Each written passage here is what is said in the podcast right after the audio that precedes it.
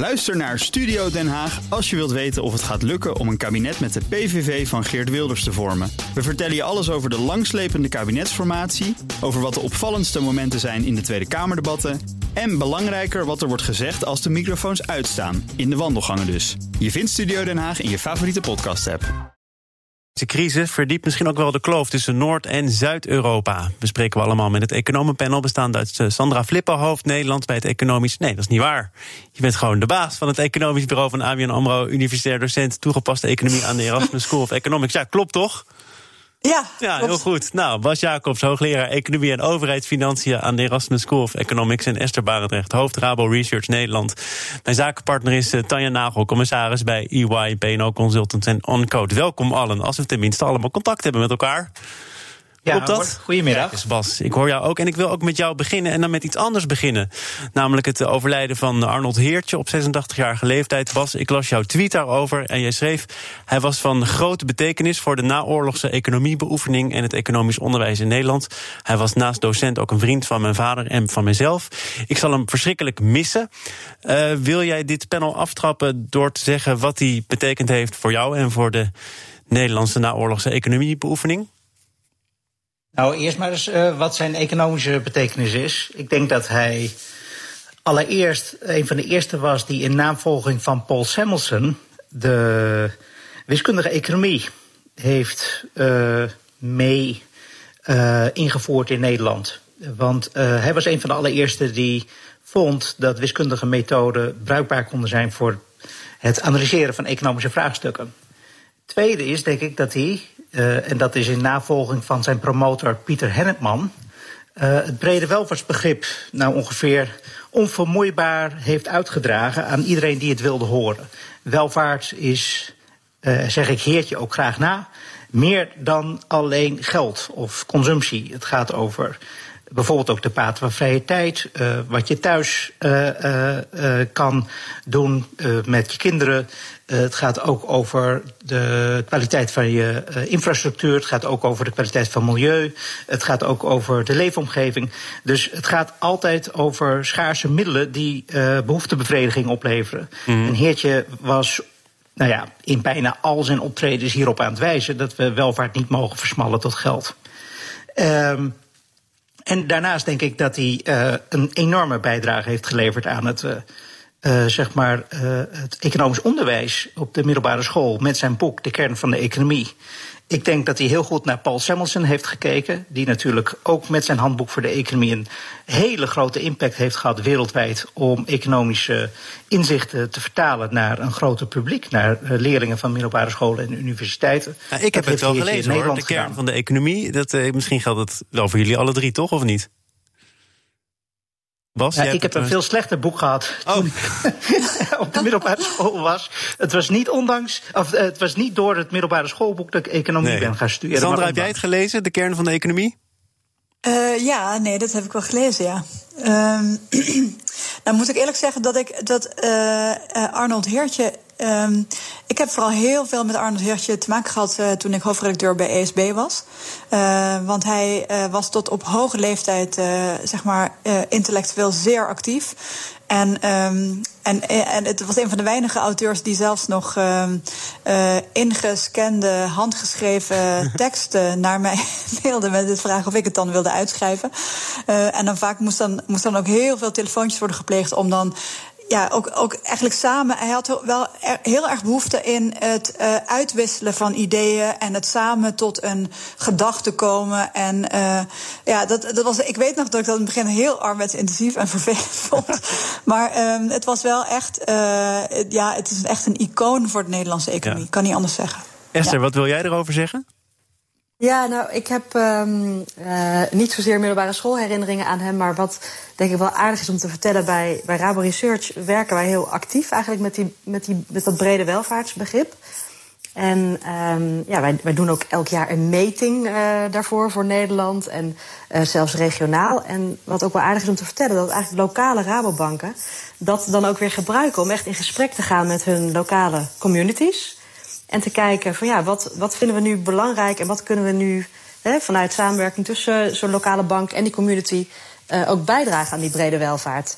Dus in die zin is het eigenlijk heel erg ja, in het DNA van onze organisatie heeft het echt een plek gekregen. En dat is misschien wel aardig om uh, hier ook even te zeggen. Nou, ook uh, goed om denk ik op deze manier dan het economenpanel te beginnen. Maar we kunnen ook niet uh, heen om de economische situatie van dit moment. En ehm, Sandra, we hebben het net met de MKB Service Desk gehad over de nauwregeling. Ik wil even terugkomen op een column die jij schreef voor het AD met als titel Steek de hand gerust in de diepe zakken van minister Hoekstra. En verderop in die ja. column signaleer jij dan dat er bij ondernemers een soort weerstand is om steun te vragen aan de overheid. Waar, waar zou die vandaan kunnen komen? Ja, nou dat, dat lijkt zo te zijn. Hè? Dus ik, uh, ik probeer inderdaad uh, in dat stuk de vinger te krijgen achter uh, het vraagstuk. ja, wat, wat veroorzaakt zeg maar, het waar het op lijkt, lage uh, aantal uh, steunaanvragen. En dan ging het met name om die, om die uh, aanvraag voor de, het noodkrediet voor de, voor de, voor de getroffen sectoren. Ja. Dat is namelijk al een week open. En toen ik die column schreef, was het zeg maar vier, vijf dagen was het loket open. En waren er 40.000 aanvragen binnengekomen. terwijl als je realiseert dat ja, in de, in de, in, alleen al in de sectoren die, die, ja, waar bijna iedereen moet zijn getroffen, voor op zijn minst 50 tot 70 procent van zijn omzet. Daar zijn al 240.000 MKB-bedrijven actief. Dus hoe kan het dat er dan 40.000 uh, aanvragen zijn binnengekomen? En toen heb ik dus zitten denken van kan zijn dat, dat ze er niet vanaf wisten. Nou, dat, dat lijkt me niet. Um, uh, zou het kunnen zijn dat ze genoeg financiële buffers hebben dat ze denken van nou weet je, um, ik ga liever houd ik mijn handje niet op bij de staat, zullen we zeggen. Ik, ik, ik het zelf wel uit en Um, wat we weten van MKB-bedrijven in, uh, in de Verenigde Staten kan natuurlijk anders zijn, maar zal wel ergens in verhouding zal het wel tot elkaar uh, zal het met elkaar vergelijkbaar zijn. Zien we dat, dat uh, ja, de, de, de cash buffers, zeg maar, de liqui echte liquide buffers, die zijn uh, voor het uitbetalen van salarissen en, en huurkosten, bijvoorbeeld ja. echte vaste kosten. Ja, die, die zijn 15 tot 20 dagen. Dus die ondernemers die moeten in de problemen zijn. En dus kom ik er dan toch op uit dat ja, het, het, het waarschijnlijk toch proberen om uh, de, de kosten van, van in ieder geval de flexibele arbeidskrachten uh, te verlagen door mensen te ontslaan. En ook um, uh, door, door zeg maar, de strijd aan te gaan met de pandeigenaren, door minder huur te betalen. Waarmee je in wezen vanuit macro-economisch uh, aspect duw je dan eigenlijk het probleem alleen maar, smeer je het uit, zullen we maar zeggen, uh, van jezelf weg. En dan komt gewoon altijd via een boemerang uh, in het najaar terug. Want als, als, als er massale werkloosheid ontstaat, dan uh, zijn er ook geen consumenten die de omzet in het najaar. Maar, maar wat, wat houdt ze tegen dan? Want ik snap het, hè, we zien nu ook die berichten over het gevecht ja. dat ze aangaan met de pandeigenaren. En misschien toch ook al de voorzichtige signalen dat er mensen op straat komen te staan. Maar dat was alles wat er nou niet bedoeld is. Dus kennelijk gebeurt dat dan toch. Ja, ik, het, is, het, is een gok. Dus ik denk dat, uh, wat ik weet, ik bedoel, ik kom zelf uit een familie van ondernemers. En ik weet dat in ieder geval de ondernemerscultuur is wel heel sterk van je handje ophouden naar de overheid. Dat is wel echt het laatste wat je doet. Ja. Dat is wel een teken dat je gewoon niet goed bezig bent. Maar iedereen moet, daarom was mijn oproep ook, realiseer je dat dit echt een symmetrische schok is. Dat die niets zegt over de gezondheid van je business in principe.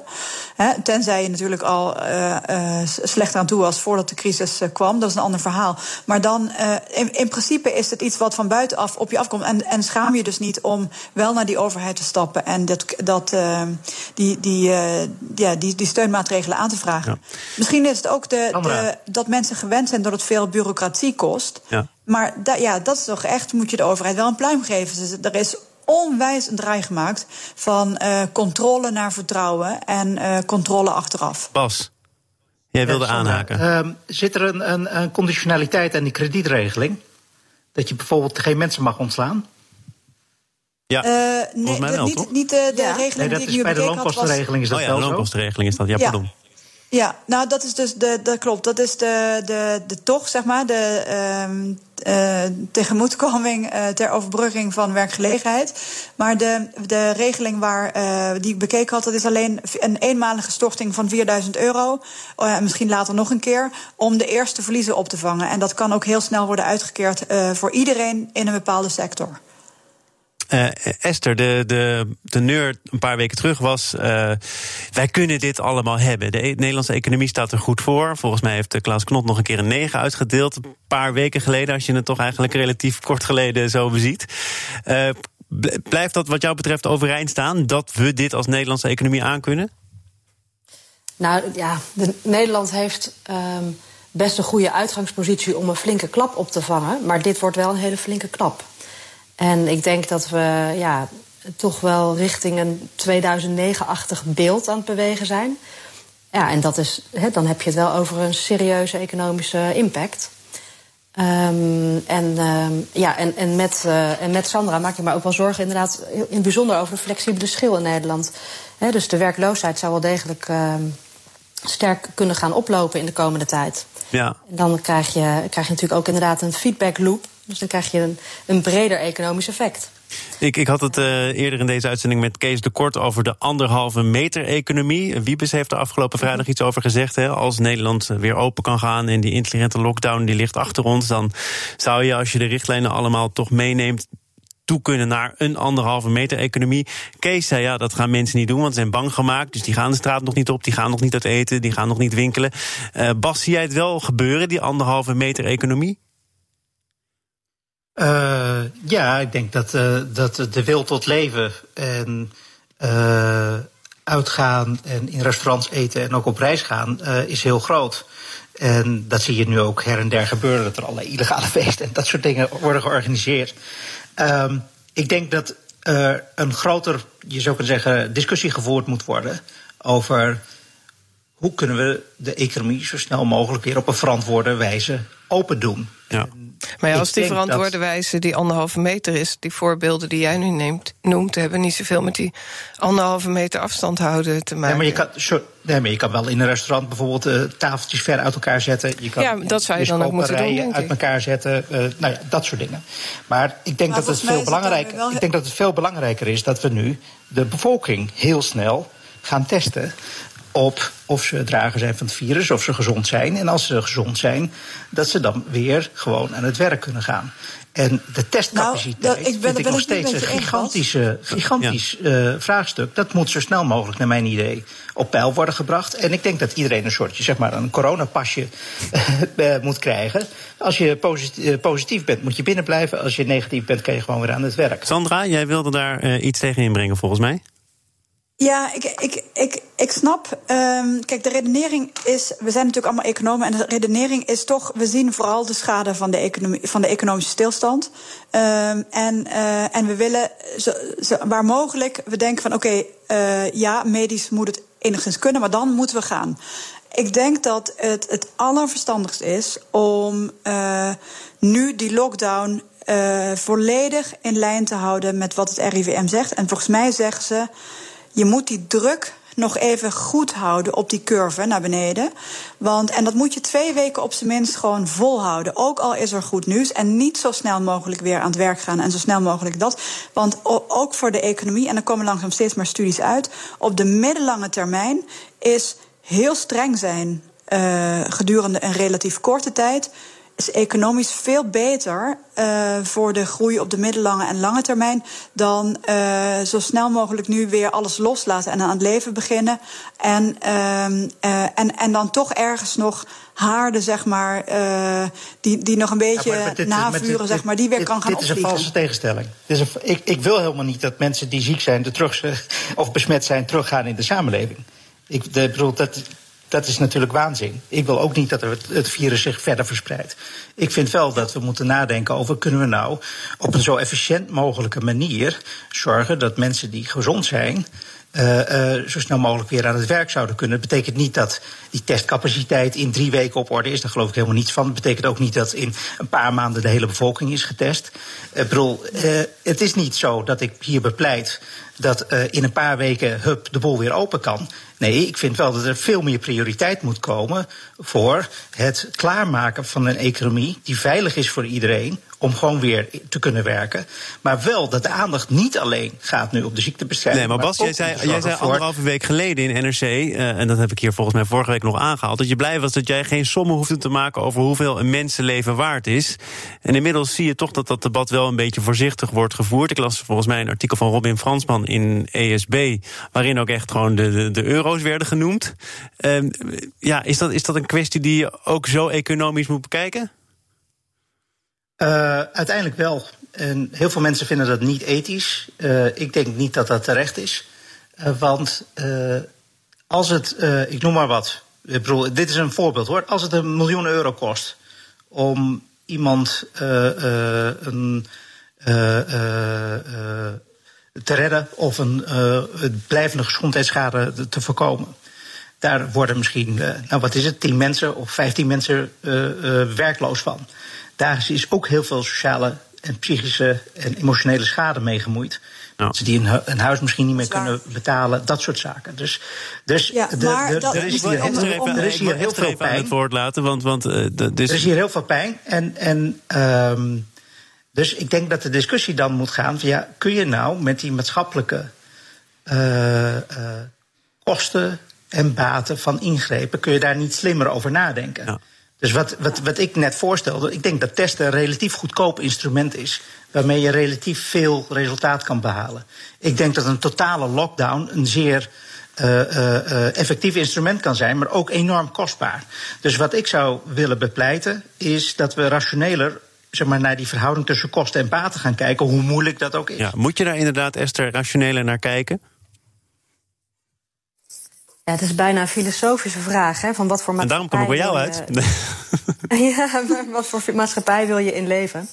Um, en ja, ik, ik denk zelf eigenlijk ook, maar je, je gaat je dan een beetje op het terrein inderdaad van medici eh, begeven, maar dat.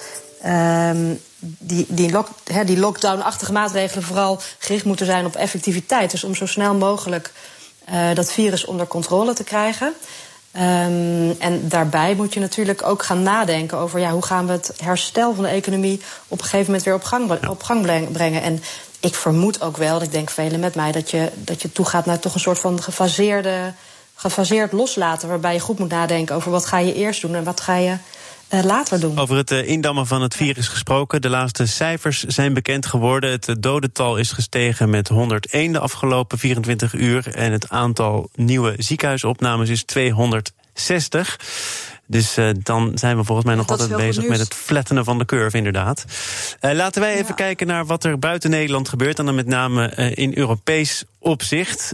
ik las in het FD een, volgens mij zelfs ingezonden stuk van twee eurocommissarissen. Die zeggen dat er een een Europees fonds moet komen. Een instrument dat dan strikt wordt beperkt tot gemeenschappelijke investeringen die bedoeld zijn voor industrieel herstel gerelateerd aan de coronacrisis. Sandra, is dat uh, nodig, dat fonds? Nou, er, is, laat ik zo zeggen, er, is in ieder geval iets nodig. Um, dat lijkt me duidelijk. De, ik denk dat er, er, er is niet zoveel duidelijk over uh, welke institutionele vorm dat dan moet krijgen. Uh, maar ik zou zeggen, er is in ieder geval iets nodig wat um, zorgt dat de. Kijk, de, de schok is weliswaar symmetrisch. Dat heeft iedereen in Europa. Uh, nou ja, goed, ook niet. Italië is ook nog eens extra sterk getroffen. Maar de impact is zeer asymmetrisch. En dat heeft ook te maken met hoe die landen, ook qua schuldpositie en qua economische, um, economische uh, structuur, zeg maar, de schok ingingen. Maar, maar één ding is zeker: dat als we niets doen, dan is het herstel ook asymmetrisch. En maar dat niets maakt doen, het is toch niet niets doen? De ECB uh, laat zich niet onbetuigd. De Europese investeringsbank doet het een en ander. Nationale overheden nee. net zozeer. Ja, nee, maar dus, dus, uh, kijk, dus, dus met, met iets doen bedoel ik iets uh, op Europees niveau. Um, dus de, en, en natuurlijk heb je ook de, de ECB. Maar uh, dat is toch iets anders dan fiscaal ingrijpen. Ja. En um, ik denk dat, dat uh, de, gegeven de situatie dat de schok iedereen overkomt. Dus dat daar dat hele morele vraagstuk van, van wie heeft er schuld aan de schuld. Dat is nu eigenlijk allemaal niet aan de orde. Tegelijkertijd zie je wel dat, dat de impact heel asymmetrisch is. En dat gaat ook de, de groei op de lange termijn heel erg asymmetrisch. Het herstel ook asymmetrisch beïnvloeden. En dat maakt eigenlijk dat het voor iedereen nadelig is om niet in te grijpen op de lange termijn. Um, maar ja, ik vond dus ik, ik zit zelf heel erg te dubbel tussen alle opties die er zijn. Maar ik, heb, um, uh, ik lees heel veel op uh, Vox Europe, zo'n Europese economenplatform. En ik vond eerlijk gezegd het meest aantrekkelijke voorstel wat daar werd gelanceerd is uh, van Daniel Gross. En dat gaat over een transfer. En dat was en dat, vooral ook om de simpliciteit ervan. De, de transferunie, of anders dan we dat nu kennen? Nee, of? Nee, geen transferunie, want dat is een, een, structureel, uh, een structurele verandering. Ja. Nee, het ging om een, een, een, een, of, nou, een, een tijdelijke transfer, dus eigenlijk een gift in plaats van uh, uh, gemeenschappelijke leencondities of een gemeenschappelijke garantstelling voor, voor het aangaan van schuld om de crisis te bestrijden. Maar dit gaat om een gift. En het idee is dat die gift ook heel makkelijk eigenlijk kan worden geïntroduceerd. Namelijk door de meest getroffen en zwakke landen in de eurozone uh, tijdelijk geen bijdrage te laten betalen voor, uh, aan het Europese budget. Oh ja. Ja. Tot 2027. Dat is lang, dat is uh, afgebakend, het is heel snel te introduceren. En, um, en het is een gift. Want ik denk uiteindelijk je kunt de condities optimaliseren met eurobonds en, en verschillende andere uh, opties. Maar, maar wat hebben die landen er onder de streep aan? Dat is misschien ook een vraag aan Bas. Ja, nou uh, zeker. Dat was inderdaad nu. Wat hebben die landen er onder de streep aan als zij uh, onder betere voorwaarden schulden aangaan dan wanneer ze een gift krijgen? Bas. Ik denk dat een gift uh, op zich geen, geen gek idee is. Ik denk dat uh, als je het puur ziet als een, een, een, een verzekering, waarbij de gelukvogels uh, moeten betalen voor de pechvogels, dan is een eenmalige gift voor uh, de coronakosten en de recessies die erop volgen, is, uh, is, is denk ik een heel aantrekkelijk idee. Ook wat, wat Sandra zegt. En ik denk dat het een aantrekkelijk idee is om de volgende reden. Op het moment dat je een instrument introduceert op Europees niveau, zoals een vorm van eurobonds of coronabonds, dan zul je waarschijnlijk zien dat in de volgende crisis dat instrument weer zal worden ingezet en opnieuw leidt tot discussie tussen Noord en Zuid.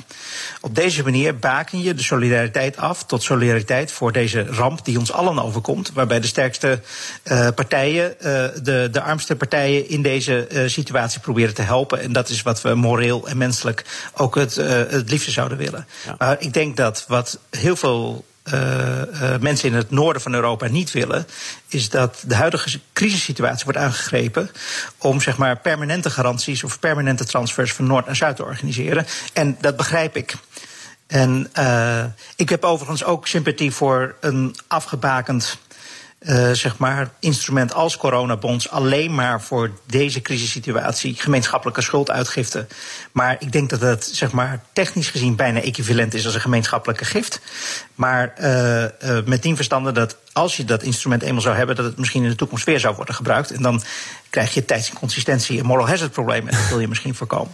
Esther, wat zou jouw uh, scenario zijn voor de komende tijd? Wat zou er op Europees vlak moeten gebeuren? Tot slot.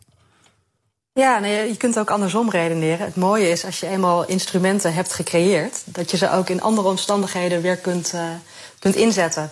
Um, dus vanuit die gedachte ben ik best wel voor de inzet van het, uh, het ESM, hè, het stabiliteitsmechanisme, dat in de, ja, het noodfonds dat in de, in de grote financiële crisis is ingesteld. Overigens met ja, heel veel moeite en gedoe is dat er gekomen. Um, het heeft jaren gekost om het in de huidige vorm ja, tot stand te brengen. Ja, en het is er en het heeft, uh, het heeft uh, gewoon. Uh, het heeft firepower, dus de, het heeft nog ruim 400 miljard gewoon dat het kan inzetten. Um, er zijn instellingen omheen, dus het is eigenlijk gewoon klaar voor gebruik.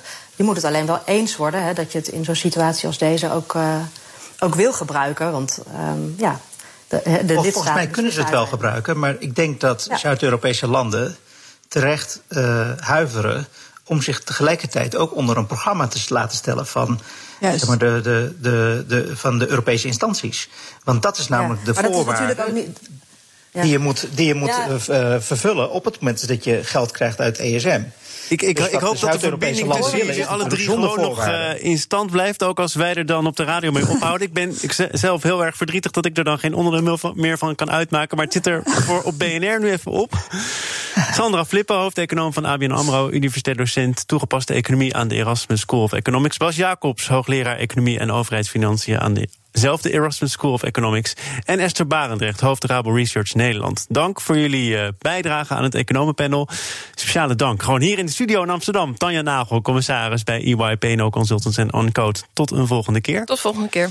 Uh, morgen dan is Theo Henrar mijn gast. Hij is de topman van Tata Steel. En daar hebben ze vanwege het coronavirus een geplande reorganisatie uitgesteld. Morgen meer. Zometeen eerst Newsroom, de podcast van het FD en BNR. Gepresenteerd door Mark Beekhuis. Veel plezier. Tot morgen. Ook Thomas van Zeil vind je in de BNR-app. Je kunt live naar mij luisteren in Zaken doen. De BNR-app met breaking news, het laatste zakelijke nieuws... en je vindt er alle BNR-podcasts, bijvoorbeeld Het Nieuwe Geld. Download nu de gratis BNR-app en blijf scherp.